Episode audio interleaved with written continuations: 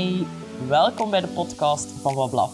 Ik wil jou inspireren om anders samen te leven met je hond, anders te kijken naar opvoeding en ik wil hen vooral een veel luidere stem geven.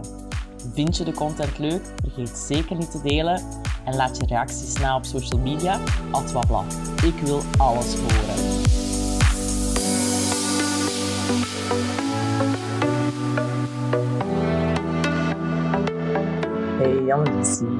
Welkom bij Bewuste Hondenmoeders. En ehm, ja, vandaag een beetje een atypische aflevering, want ik zou jullie heel graag een stukje laten horen waar we het over gehad hebben in de Puberhond Survival Gids afgelopen maand. En ehm, zoals jullie al weten of nog niet weten, deze zomer vertel ik opnieuw een verhaal rond hapgedrag bij puberhonden. En probeer ik jullie mee te nemen naar een, een plan van aanpak waarbij het, het, goed voelt, waarbij we bewust kunnen kijken naar opvoeding. En dat heet uh, Zero Bite. En dit is een beetje een voorsmaakje, een voorproefje, dus uh, enjoy.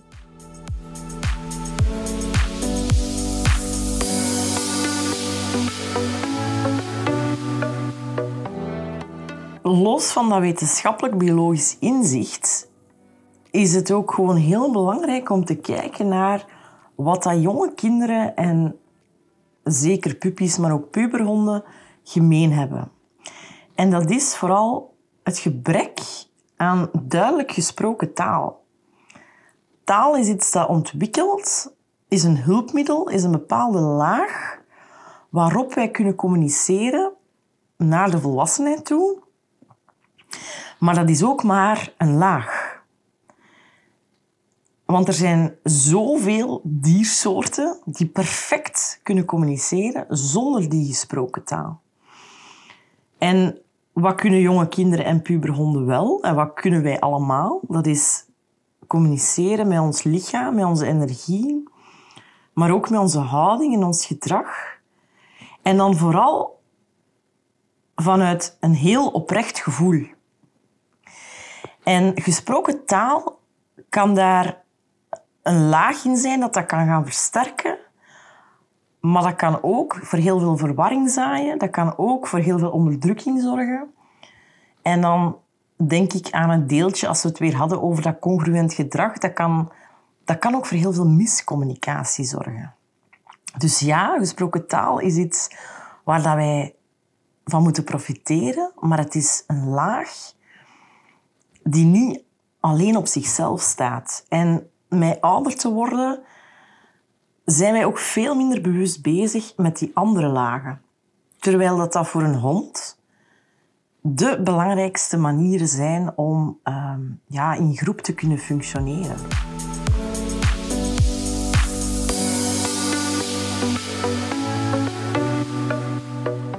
De puberhonden die dat gedrag inzetten, gaat heel vaak over twee dingen. Dat is enerzijds echt spanning communiceren. En dat is niet altijd gelinkt aan het moment zelf. Dus die spanning kan opgebouwd zijn van een aantal dagen. Die spanning kan ook voortkomen van die ochtend of de avond voordien of wat dan ook. Plots komt dat naar boven en dat uitzicht, uitzicht in, een, in een bepaalde ja, soort van ontploffingsje. En dat ontploffingsje is nodig voor dat lichaam om zichzelf terug te kunnen reguleren. In een tweede uh, situatie zien we dat hapgedrag ook heel vaak terugkomen van zodra dat individu leert van enkel op die manier krijg ik voldoende aandacht en interactie. En dat zie je bij kinderen ook, hè, waarvan dat ze zeggen van oh, zo'n stout kind, hè, altijd aan, alleen zo altijd zo dat, die, die agressie gaan inzetten om dingen te verkrijgen. De, de basislaag daaronder heeft te maken met de behoefte aan aandacht. En net zoals dat bij kinderen zo is, is dat bij honden ook zo. Wij geven vooral aandacht aan de dingen die ons tegenzitten, die ons frustreren, die direct impact hebben op ons. En wij geven minder aandacht als dingen, als uh, honden en mensen, sorry, um, echt aan het exploreren zijn, aan, aan het onderzoeken zijn, aan dat zijn niet de momenten dat wij aandacht geven. En dan denken we, yes, vijf seconden op ons gemak. Oeh, chill. Die twee zaken maken dat hapgedrag in die puberteit heel lang een vicieuze cirkel blijft. En we hebben heel lang gedacht dat we dat moesten afblokken, afremmen, op ingaan. En ik ben er helemaal mee akkoord dat het moment dat mijn kind mij bijt of mijn hond naar mij hapt, dat ik mijn grens mag aangeven. Dat vind ik ook belangrijk dat je dat doet. Je mag een reactie geven op gedrag. Je mag zeggen nee, niet oké. Maar het is ook belangrijk dat je naar dat tweede deel gaat kijken. Hoe is dit tot stand gekomen? Waarom bevind ik mij in deze situatie? Wanneer was dat niet zo? Wanneer is het wel zo? Is dat, we zien dan ook vaak dat dat vooral s'avonds gebeurt. Of wanneer het um, bij honden waar dat we het s ochtends heel vaak zien, dan heeft het vaak te maken met dat zij s'nachts um, niet zo kwalitatieve slaap hebben. Dat zij heel onrustig slapen. Um, of dat zij heel veel prikkels verwerken s'nachts, waardoor dat zij s'morgens... Ja, je kunt dat zelf ook hebben. Hè. Als je zo wakker wordt uit een droom en dat je eigenlijk nog elke emotie voelt die dat je in je droom hebt gehad, waardoor dat ik soms ja, echt kan huilen terwijl ik aan het opstaan ben. Dat ik denk van, oké, ik ben super emotioneel, maar ik weet zelfs niet meer waarom. Dat en s'avonds is het logisch, omdat natuurlijk al die indrukken van de dag hebben zich accumulatief opgestapeld en dat komt tot een bepaalde uitbarsting. Kinderen die een hele dag naar school zijn geweest, komt s'avonds tot uiting. Uh, zeker in die veilige, omgeving van die ouders, van die veilige thuishaven. Honden die een hele dag alleen gezeten hebben, je komt thuis, die zijn even wow, super blij. En dan komt het er allemaal uit.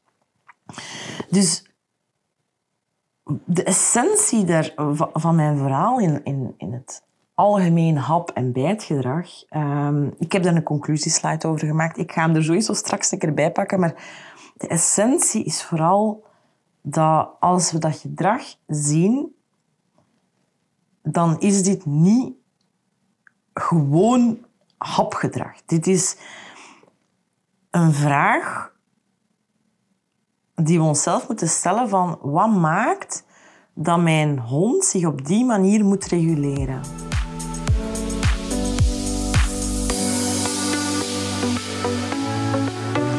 Wat zien we ook bij intensere bijtincidenten, is dat honden heel vaak heel hard afgeremd zijn op die subtiele signalen.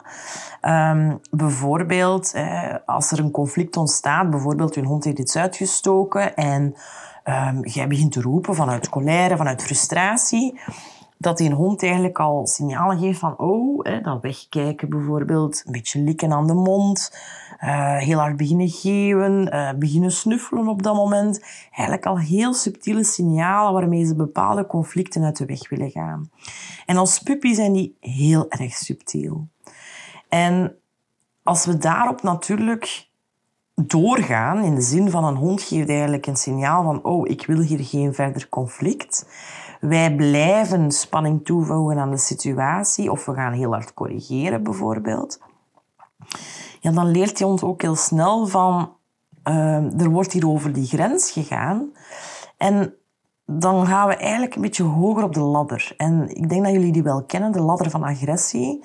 Als je die niet kent, moet je die maar een keer opzoeken. Er zijn eigenlijk een aantal signalen die honden geven, die in hiërarchie gaan stijgen en duidelijker worden, omdat er bepaalde subtiele signalen niet um, aangevoeld of aangehoord worden. Of waar dat dan heel abrupt wordt in, in tegengegaan. En dan gaan honden misschien de volgende keer niet meer wegkijken. Of, of niet meer hun, kop draaien of snuffelen. Maar gaan ze al een keer zo mm, een keer grommen. Of hun lip al een keer trekken. Natuurlijk, die signalen worden nog harder gecorrigeerd.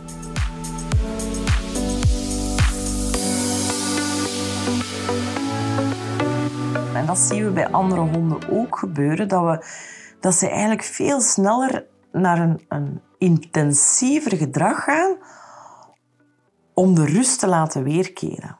Want dat is uiteindelijk het doel van happen, van bijten, van bij te specifiek om het conflict te beëindigen. En wij noemen dat in de mooie mensentaal zo van het laatste woord hebben. Van jij mocht niet het laatste woord hebben, ik ben hier de ouder. Maar eigenlijk is dat een manier van een jong individu om het conflict te stoppen, te beëindigen.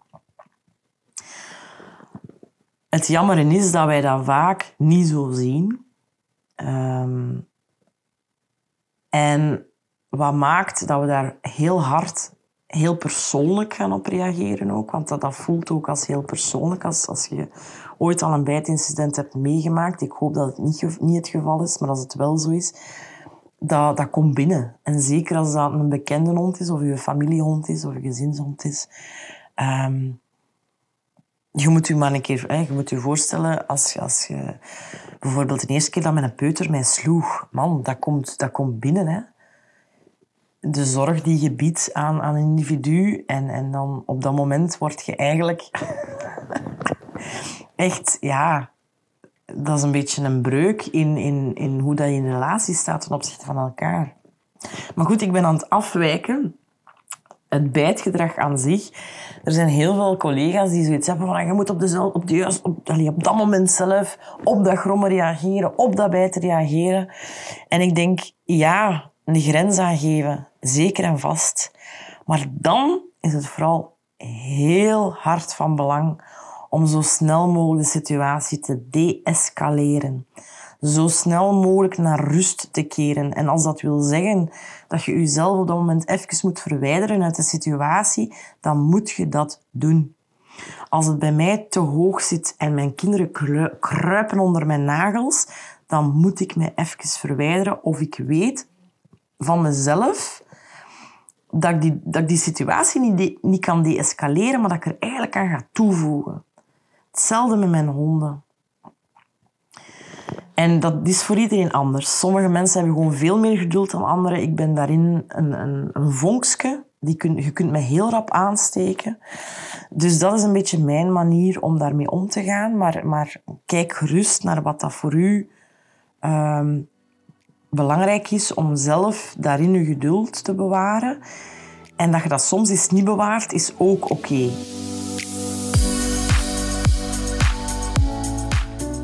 Bedankt om te luisteren. Nu nog iets meer naar onze honden en dan zijn we op weg naar een betere wereld. Salut!